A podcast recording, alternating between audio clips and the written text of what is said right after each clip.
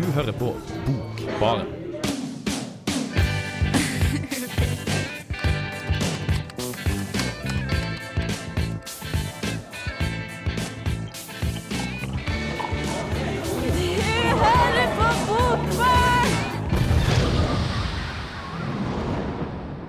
Det gjør du så absolutt, og med en ny høst kommer en ny vår, og vi er klar for å gi deg høstens beste bøker enda en gang her på Radio Revolt.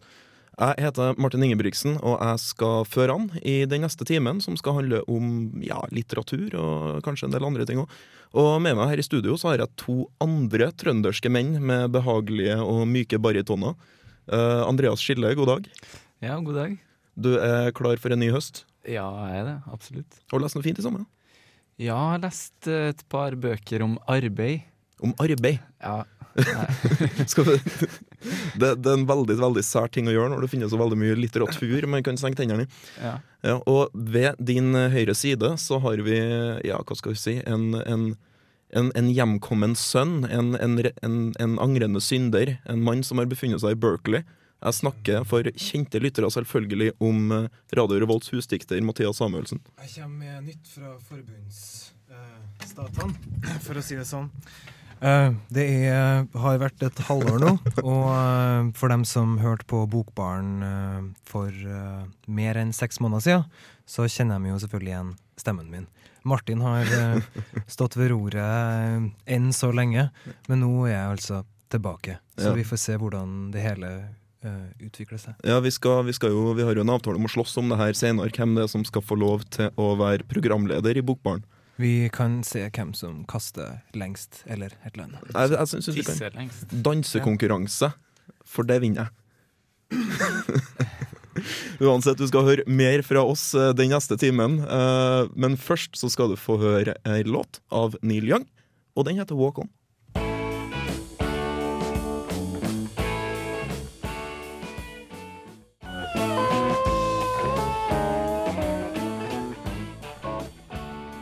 Det begynner å bli en klisjé. Avdanka raddiser som går ut i media og etterlyser bøker som skriver om samfunnets store problemer. Kritikken går mot den nye navlelitteraturen, og de tenker med blanke, nostalgiske tårer i øynene på den tida Øverland og Bjørneboe fortsatt brølte ut sin mektige indignasjon i den norske offentligheten. Det her irriterer meg. Ikke påstanden om at kapitalisme og imperialisme fortsatt fører med seg problemer på planeten, for det gjør de. Og ikke at Bjørneboe og Øverland ikke var viktig, for det var dem. Men at gamle menn i livets høst klarer å få seg sjøl til å tro at noe som helst kunne bli vunnet med å skrive de samme bøkene om igjen, det irriterer meg. Viktige bøker dør som regel ikke. Det er derfor Bjørneboe fortsatt leses av venstrevridde videregående skoleelever, og det er derfor to av tre trønderpunkere kan resitere deler av Du må ikke sove. Det er også derfor Bokvennen forlag i våres bestemte seg for å gi ut den 80 år gamle japanske proletarromanen Krabbeskipet. Og det er denne boka vi skal snakke om i dag. For den klassiske politiske romanen lever i beste velgående. Den må bare tørke støv av en gang iblant. Kort fortalt er det her en 150 sider stor bauta i japansk litteraturhistorie, som grunna en plutselig renessanse i hjemlandet har fått oss i Vesten til å ta en titt. Det er en proletarroman, eller traktorroman, som vi nedsettende kaller sjangerens russiske ekvivalent. Dette betyr at den er skrevet i en periode hvor skolering av arbeidere var en kommunistisk kjernesak, og hvor romaner og annen litterær praksis i all hovedsak skulle gå ideologiens ærend. Denne kommunistiske litteraturen omhandla på sitt verste glade og edruelige bønder som sang partisanger og høsta partikorn, mens den på sitt beste forsøkte å vise frem maktstrukturene i samfunnet, for på den måten å formidle til arbeiderne at de ble utnytta av overklassen. Krabbeskipet er av denne siste typen. Romanen satt på et industrielt fartøy som fisker, preparerer og hermetiserer krabber i Kamtsjatka-bukta. Du har sett noe som ligner på realityserien Deadliest Catch, men dette er en helt annen og mye mer brutal virkelighet. Over 400 lavtlønna arbeidere jobber under forhold som mest ligner på en straffekoloni, og blir belønna med vold, sykdom og nasjonalistisk propaganda for innsatsen. Forholdene om bord blir beskrevet uten overdrivelse som et helvete, Og rovdrifta på arbeidstakerne blir utført av arbeidsledere ansatt av fiskeselskapets eiere. De her legger aldri skjul på at profitt går foran proletariatets ve og vel, og at tap av menneskelig liv er et nødvendig onde. Grusomhetene som skildres om bord, blir faktisk såpass drøy at jeg etter endt lesning hadde problemer med å tro på sannhetsgehalten i det. Heldigvis er boka utstyrt med et veldig godt etterord, skrevet av oversetter Magne Tøring, som bidro sterkt til å åpenbare romanen sin kontekst for meg. Uten det her ville veldig mye av romanens innhold vært tapt. For som politiske romaner flest må man vite noe om stedet i historien fortellinga utspiller seg for å skjønne intensjonen. I etterordet står det f.eks. om hvordan forfatteren Takiji Kobayashi i sin samtid fikk rolla som martyr for arbeiderbevegelsen, da han ble slått i hjel av sikkerhetspolitiet i 1933, bare 30 år gammel. Vi blir fortalt hvordan krabbeskipene faktisk var prega av vold og trusler mot arbeiderne, og hvordan selskapet faktisk nekta å la fiskeflåta reagere på et SOS, noe som endte med at et krabbeskip gikk til bunnen av havet med 161 mann i 1926, tre år før denne romanen kom ut. Og det at Tørring får lov til å presentere de her kjensgjerningene, gjør at lesninga av Kobayashi sine spissformuleringer og fremstillinga av kapitalismens kynisme forsterker holdekraft etter at man har lest boka. Likevel fungerer ikke denne romanen hovedsakelig som en realistisk fremstilling av arbeidsforhold. Krabbeskipet er fremfor alt en verden i miniatyr. En verden fra virkeligheten, men også en verden Kobayashi har konstruert som en allegori. Et bilde av hvordan maktstrukturene i det kapitalistiske og imperialistiske samfunnet er konstruert. Nederst på rangstigen har du de 400 arbeiderne, og rett over dem har du en bevæpna oppsynsmann som tvinger dem i gang. Over han igjen er de usynlige eierne som befinner seg langt unna, i Tokyo. Med andre ord, den sosiale dynamikken som Kobayashi kritiserer, er også til stede på skipet. Boka bruker en liten verden for å avbilde en større. Så hvis det begynner å bli lenge siden du satt og koste deg med en tekopp og bestialitetens historie av Bjørneboe, så har Bokvennen forlag her vært sitt ansvar bevisst, og gitt deg ei bok som kan hjelpe deg med å komme i kontakt med din indre kommunist. Jeg tror nemlig at alle har en liten marks i magen, som man med jevne mellomrom er nødt til å mate med litt propaganda. Hvis man ikke gjør det, er det en stor fare for at man plutselig våkner en dag og har blitt Frp-er. John Lennon der, altså, med Working Class Hero. Um, her, ja. Mikrofonproblemer. Ei, ei, ei. For vi er litt rusten etter ferien, må vi Uff da. vel si. Men Martin, altså, Ja. Krabbeskipet. Krabbeskipet. Uh, og altså japansk proletarroman fra 30-tallet. 1929. 1929, ja. 1929. Jeg må si, altså Det å være kommunist i Japan har jo aldri vært lett. Eh, og i 1929 så var det vel jo ikke noe, noe, noe, noe enklere. Du kan jo, altså Det var jo uh, altså det enkleste sånn historiske ankerpunktet for den som ikke kjenner til japansk historie, uh, er vel kanskje å tenke andre verdenskrig, som var sånn høydepunktet for japansk imperialisme og ja, altså kan vi si liksom sjokkreaksjonen på at de var kongene i verden. De drev jo og tok over kolonier. Eh, Taiwan var vel en, og litt sånn forskjellige der her, vet du. Manchuria og Taiwan. For eksempel beveget seg innover i Kina Mm. så så videre. Så de var, de, de var ekspansjonistisk, kan du si, og de hadde en veldig, veldig sånn eh, nasjonalistisk innstilling til, til hvordan de tedde seg i, i verden. Det må jo være veldig spesielt altså, i et land eh, som Japan, hvor man historisk sett har uh, hatt en veldig sånn uh, ofringsfilosofi i Mhm. forhold til landet og Ja keiseren og alt sånt. Og det å være, det å være kommunist i en sånn uh, sammenheng og skrive om proletariatets rettigheter, ikke sant, så mm. ekspropriering videre, det er jo veldig ujapansk. Ikke sant? Og det gjenspeiles også i, i boka her. Altså, det er jo en bok hvor arbeiderne utsettes for eh, kommunistisk eh, ja, propaganda, da, ikke sant? Hvor, eh, hvor reaksjonen jo er som den var veldig andre, i veldig mange andre nasjonalistiske land. ikke sant? Altså, det her er ikke noe vi, noe vi tror på, det her er ikke noe som passer over med vår nasjonale identitet osv. videre, og Så så det er jo den eh, samme kampen der som, mange, som en del land i Europa gikk gjennom. Mm. Du trekker jo en parallell til Bjørneboe og Øverland. Ja, men det er en ganske grei eh, historisk parallell. det. Eh, Mm. altså Nå er jo Bjørneboe og Øverland er jo begge først og fremst kjent for det de gjorde etter krigen, ikke sant? så det her er jo før krigen. Mm. Men eh, det er jo den samme type didaktiske politiske roman. ikke sant? Altså Ja. en, eh, Den har et klart Eh, den har et klart budskap, nemlig at verden er bedre som kommunistisk enn som kapitalistisk. Mm. Og um, sånn sett så er det da, altså i min mening, en politisk roman i ganske klassisk forstand. Ja. Eh, den, eh, den, eh, på tross av at det, altså Som jeg sa i anmeldelsen, at det her er en allegori, så, så fungerer den som realisme. også. Ja. Litt som i Bjørneboes 'Haiene', da, hvor, Det, hvor det, skipet er en metafor på verden. jeg hadde ikke lyst til å si det i saken, men det er helt korrekt. Det er den ultimate parallellen for en, for en norsk leser vil være Bjørneboes 'Haiene'. Er den her, kan man si at den her er sovjet-kitsch?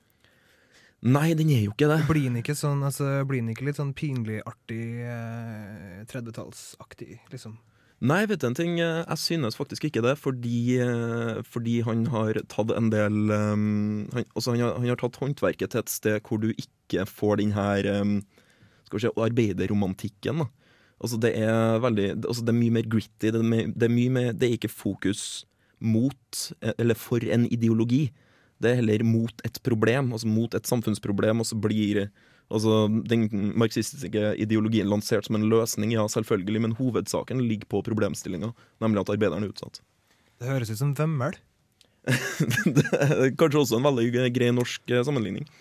En ting som eh, jeg hadde lyst til å nevne da, før vi, før vi beveger oss videre, er jo litt om eh, den, det som skjedde i 2003, tror jeg. Så ble krabbeskipet henta frem igjen i, i Japan og fikk en kjempeoppsving i popularitet. 2003 er, er, er, er, litt tidlig, det var vel enda senere, når jeg tenker meg om.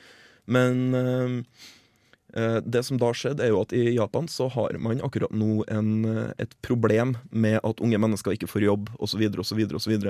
Og det her bidro til at krabbeskipet kom ut i et samla opplag på omtrent én million nye eksemplarer. tror jeg. Det ble laga en film i fjor som, eh, som vel ble en publikumssuksess. Og det er jo også litt sånn den har funnet veien til Norge, da, ikke sant. At um, uh, man sier da at den, til å være en klassisk politisk roman, så er det mulig å lese den uh, veldig, veldig samtids... Altså med samtidsøya på en veldig god måte.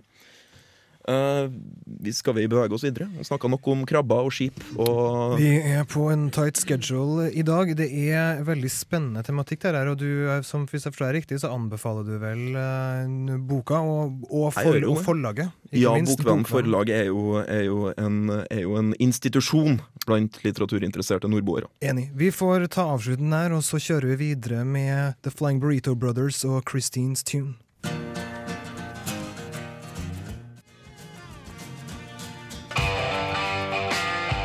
Radio Revolt. Ukas bok. Utroskap, kjenslevar inhabilitet, ammetåke, voldtekt, kåtskap og fetisjer er nå av ingrediensene i Maria Børjas novelledebut. Voksenting handler om voksne mennesker og deres seksualitet.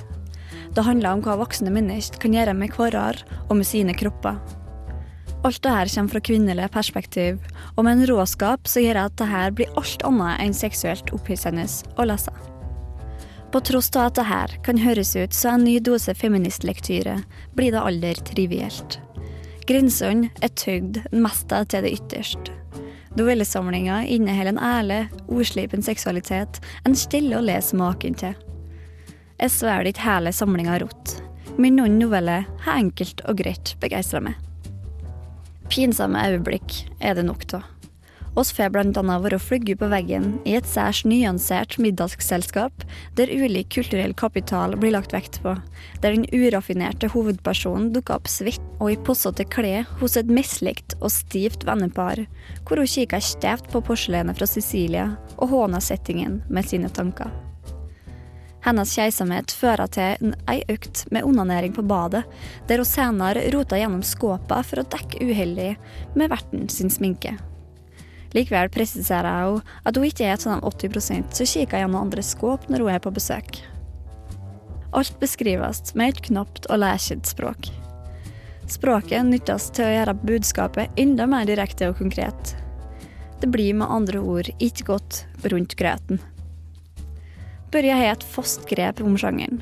Det rekker aldri å lese det fast, da stemninga hele tida snur og tar uventede retninger. I lag med disse grepa, uhørt historiefortelling og kroppsvæsker i uvante settinger, har Børja skapt et frastøtende og interessant lite litterært univers. Og det er det som er meninga.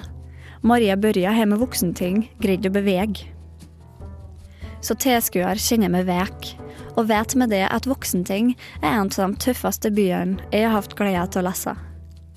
Fremdeles kan jeg kjenne lukta av en sile utklemt byll og bli påminnet Børjas noveller hver gang det lukter surt på kjøkkenet. Hei, det her er Josten Pedersen på Radio Revolt. Radio Revolt, 12 points. Det var Idun Fivelstad som hadde vært i Bokbarns tjeneste og anmeldt Maria Børja sin voksenting. Før det hørte du Flying Burrito Brothers med Christines Tune. Den var vel spesielt utvalgt av, av uh, Samuelsen i anledning sin gjenkomst. I dag så har vi litt låter som eh, handler om, eh, om Berkeley og San Francisco osv. Og det er jo for at jeg har vært der. Men, mm. og jeg skal fortelle dere litt om det, men før vi kommer, kommer dit, så hadde Andreas en kommentar på den forrige boka. Ja, for vi er jo ikke ferdige å snakke om arbeid. Nei, ja, det var Det var tydeligvis arbeid som ble dagens eh, Mer mikrofonrot i studio, altså. Eh, prøv Ja, nå Ja, der, Der er hører det vi deg så- der var vi. fantastisk. vet du. Ok. Ja, arbeid. Du har lest arbeidsbøker i sommer, du. Ja, jeg har det. Eh, jeg har lest eh, ei bok som heter 'Pleasures and Sorrows of eh, Work'. Å, herregud. I den anledning at jeg har vært på utkikk etter eh, work. Ja, Og siden du ikke fikk det, så sitter du her. Ja, så sitter jeg her. Ikke sant? Så det er liksom eh, Mest Sorrows. Ja, mest Mest sorrows, ja. Men det var en veldig god, eh, litt sånn morsom, populær filosofisk gjennomgang av eh, eh, ruta til en tunfisk som skulle komme fra eh, Indiahavet og på bordet i en restaurant i London. Og liksom alle leddene av pakking, nedfrysing, okay, så, sånn fisk, fisk. Tunfiskens inntreden i verdensøkonomien, med andre ord. Ja, Det, det, det, det, er en veldig trist historie for en, for en tunfisk. Jeg er veldig glad for at de ikke skjønner det sjøl, hvor, hvor bittert det er. det er sant. En- Men er det det, eller eh, har du vært, eh, vært mer på arbeidsboksfronten? Ja, det stoppa ikke der. Uff da. Fordi eh, i min jakt etter jobb så bestemte jeg meg for å lese Barbara Ehrenreich sin 'Lokket og lurt' Uff da. om arbeidsledighet blant hvitsnipparbeidere i, i USA. Er det finanskrise her? Men det høres ut som det er en vanvittig kynisme i titlene på de her arbeidslivsbøkene. Så nå går det til helvete-type ting. Eh, ja, det, i den, eh, særlig i den Ehrenreich-boka så er det mange, mange litt triste skjebner da, som, som prøver å holde en fasade av å være på en måte innafor i corporate uh, Amerika, men, uh, men går, bruker dagene på jobbsøkerkurs og i sånne Det, coaching-timer. det begynte så bra, men så kom kokain og tok meg. Litt den. Ja, om ikke kokain, så, eh, Så jobbsøknaden. Ja, okay, okay. Får vi, får, vi, får vi høre noe mer om dem her i løpet av høsten, eller er det et tilbakelagt kapittel? Ja, kanskje nå, nå blir det jo ikke noe Blod på tann, tann, da? Det blir studiebøker nå fremover. Ja, ikke sant? Nei, men sånn er Hvis du, sånn hvis, hvis du hiver deg på rett studium, så ligger det en mastergrad i dette her. Vet du. Ja, ja, ja. noe- det er jo noe Selv, selvhjelpsbøker og hvordan å forbedre seg på arbeidsmarkedet og i det private. Mm. Ja. Alltid veldig spennende. Men har du, en, eh, har du en konklusjon eller etter å ha lest de her bøkene? Eh, derfor du bestemte deg for å ta enda et semester på Dragvoll, kanskje?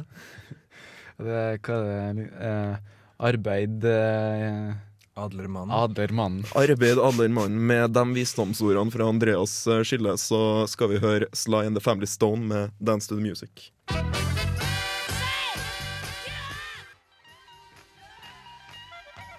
Ja, der hører vi de siste tonene av Sly and the Family Stone sin Dance to the Music. Og det er vel en fortsettelse av den her generelle San Francisco-greia du har kommet trekkende med, ikke det? Det er det, og så er det også et, um, et frempek til den, uh, til den saken som kommer nå etterpå, som jeg har laga.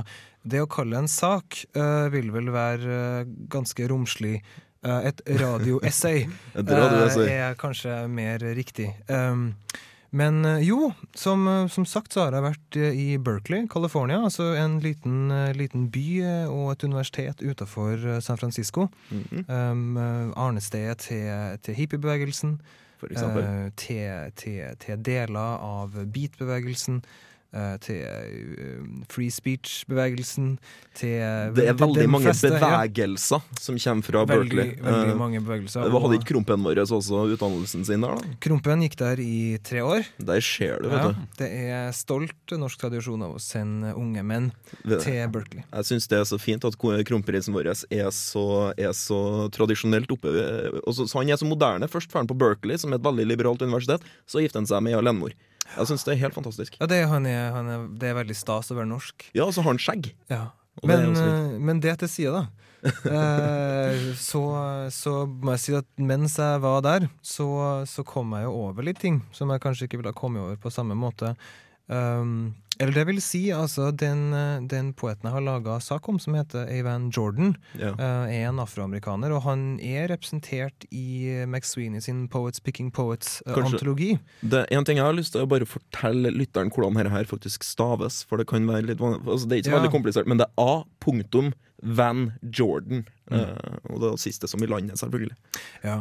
Han, uh, han er på en måte representert i Norge gjennom McSweeneys-antologien. McSweeneys har jo en Ja. eh, trofast lesekrets også her til lands. Og den andre store, spennende afroamerikanske unge poeten, Terence Hayes, Mm. eh, skal jo oversettes, eller har blitt oversatt og skal gis ut på oktober sin, eh, på oktober, i en oktoberantologi som du skal ta for deg litt senere i høst. Ja, ikke sant? Eh, skal vi bare høre på det her vanvittig lange radioessayet Mhm, ditt, og høre hva du har å si om Avan Jordan? Blant de nye afroamerikanske poetene er kanskje de to mest fremtredende Terence Hayes og Avan Jordan. Begge er representert i den allerede legendariske antologien Poets Picking Poets fra det amerikanske forlagshuset McSweeneys. Begge jobber som skriveskoleprofessorer i Midtvesten. For første gang har en av dem her blitt oversatt til norsk. Og da, i oktobers nye poesiantologi 'Verden er ikke på kartet', som er redigert av Pedro Carmona Alvarez og Gunnar Wærnes. Og den skal Bokbarns lyttere få høre mer om senere i høst. Derfor tenkte jeg at vi kunne fortelle litt om den glemte av dem to, Avan Jordan. Avan Jordan ble født i Ohio i 1965, og er en av de mest markante unge amerikanske poetene. Som afroamerikansk poet står Jordan godt planta i en veldig spesifikk tradisjon. En tradisjon som går fra Langston Hughes og Harlem-renessansen via beat-poetene og aktivistene Armiri Baraka og Ishmael Reed til hiphop og slam-idealene til Soul Williams. En tradisjon som er prega av en aggresjon mot amerikansk litterær og akademisk tradisjon. Som når sant skal sies ikke har vært overdreven positiv til afroamerikansk poesi, eller noen annen form for afroamerikansk kunst for den del. Og i en sånn tradisjon skal det etter min mening litt til for å skape noe nytt som ikke går på tvers av de gamle idealene, samtidig som man henter inn og kombinerer kunst og kunnskapsuttrykk som ikke før har blitt kombinert. Jordans tredje diktsamling, Quantum Lyrics, som kom ut i 2007, spenner fra Sly and the Family Stone til Einsteins liv og virke. Og i midten av de to referansene poetiserer han tegneseriemanus fra Marvel og DC Comics sin gull- og sølvalder. The Adam and Hawkman discuss metaphysics. DC Comics April, May 1969, issue 42, When Gods Make Madness. A. A sign in the sky. A Brahmin poses as friend, a new enemy. H. A Brahmin without spirit? To defend against impostors of souls, to save others, we must guard our own souls from this fiend. A. Foes hide on borders. Look behind you. Nothing in front. Villains as brothers. H. My planet exists far beyond, orbiting around a different sun where my wings seem common. Villains, friends the same, all vibrating. A. Vibrations of kings, flutter of gnats, both pests, for both alarms ring. H. How do we trust what we hear and not test what we see? Shadow and light both reflect the same bodies, worlds of tension and rest. A. What do you detect in my voice if not knowledge of you and respect? H. Sometimes I forget. Comforts do privilege. I question what I know and mysteries, too, which keeps me safe but ruins my pledge. A. No fear, A series of challenges helps the hand to unmask faces. H. Unveiling spirits takes a soulful plan. Foes challenging the world is a constant we can depend on. The Flash, The Atom, Hawkman og The Green Lantern, for øvrig datidas eneste sorte superhelt, får alle fortelle og filosofere rundt sin egen situasjon og oppgave. Jordan psykologiserer superheltene og klarer å gjøre deres fantasiuniverser reelle også for en lyrikkleser som ikke vokste opp med noe annet enn Fantomet. Det hele blir en mesterlig blanding av såkalt høy- og lavkultur. Det her er gjort med en kjennskap til materialet som hever prosjektet over den vanlige postmoderne klisjeen rundt sjangerblanding og lefling med popkulturelle uttrykk. Kjernen i samlinga er likevel det vitenskapelige og etiske. Atom- og astrofysikken er alltid tilstedeværende. Hoveddelen av samlinga er suiten på 39 sider om Einsteins liv og tid. Kronologisk strekker suiten seg fra 1901, da Einsteins første kone blir gravid, til unnfangelsen av Einsteins verdenskjente formel EMC square i 1905, og ender ved vitenskapsmannens død i 1955. På veien får Einstein og hans to koner komme til orde med klager og utlegninger i ulike livsforandrende situasjoner som omhandler dem tre. Men det er ikke alt.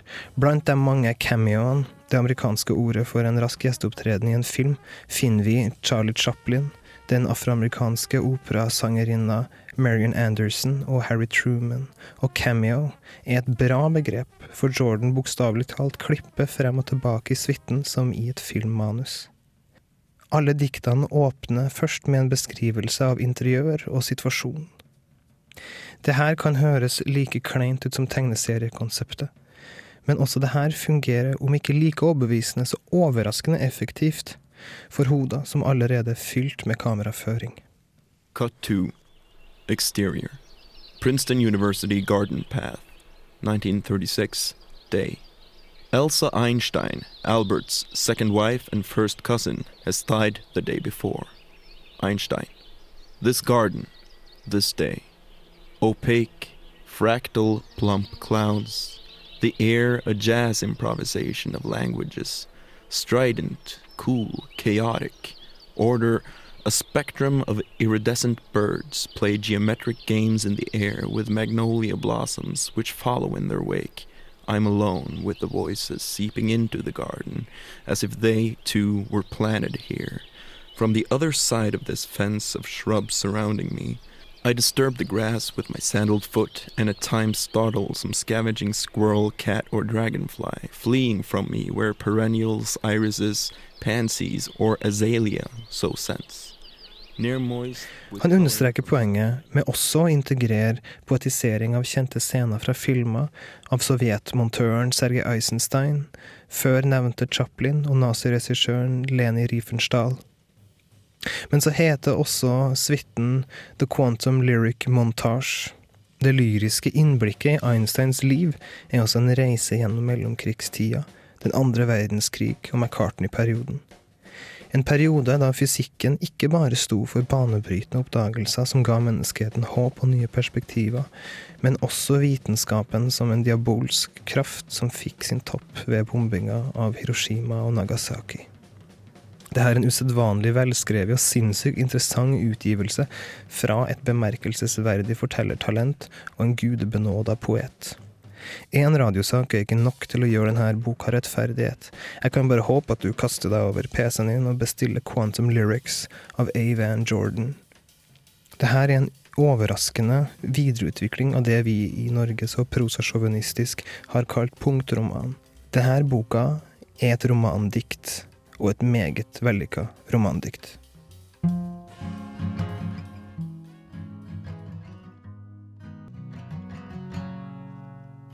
A good man is hard to find, jamra Sufjan Stevens denne gangen. Og det kan jo være at han har et poeng, men når jeg kikker meg rundt her i studio, så ser jeg grepne karer overalt. Vi er de eneste bra uh, guttene i Trondheim som ikke er gift eller homo.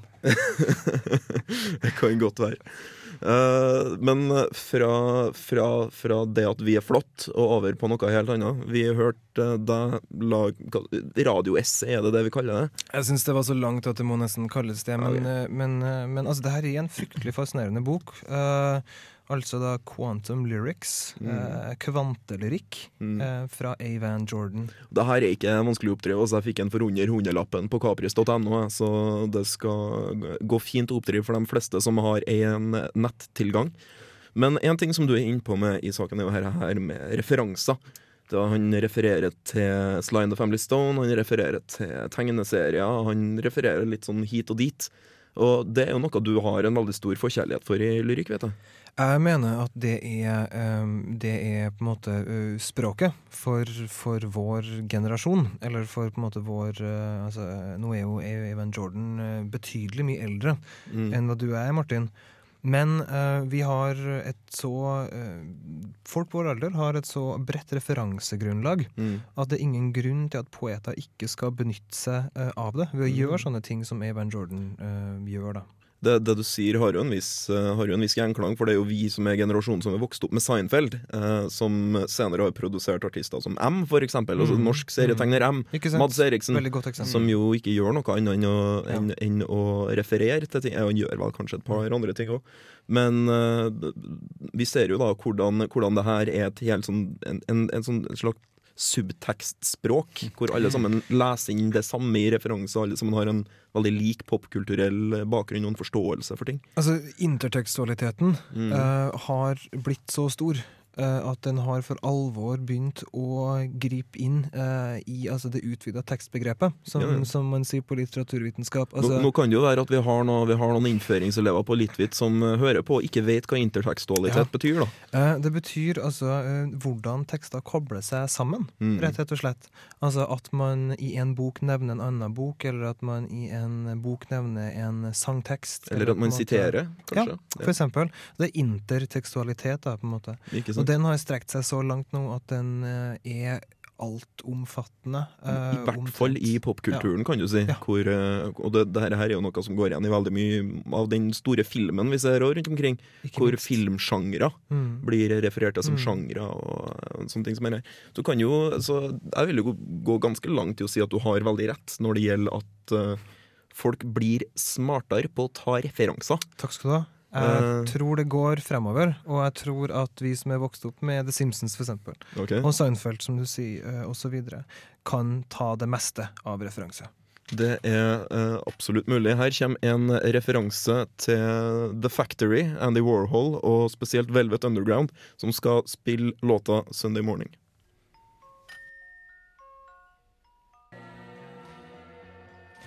Sunday Morning der, altså med The Velvet Underground. Hvem som synger, da? Hvem som synger, da? Det er en Lou Reed.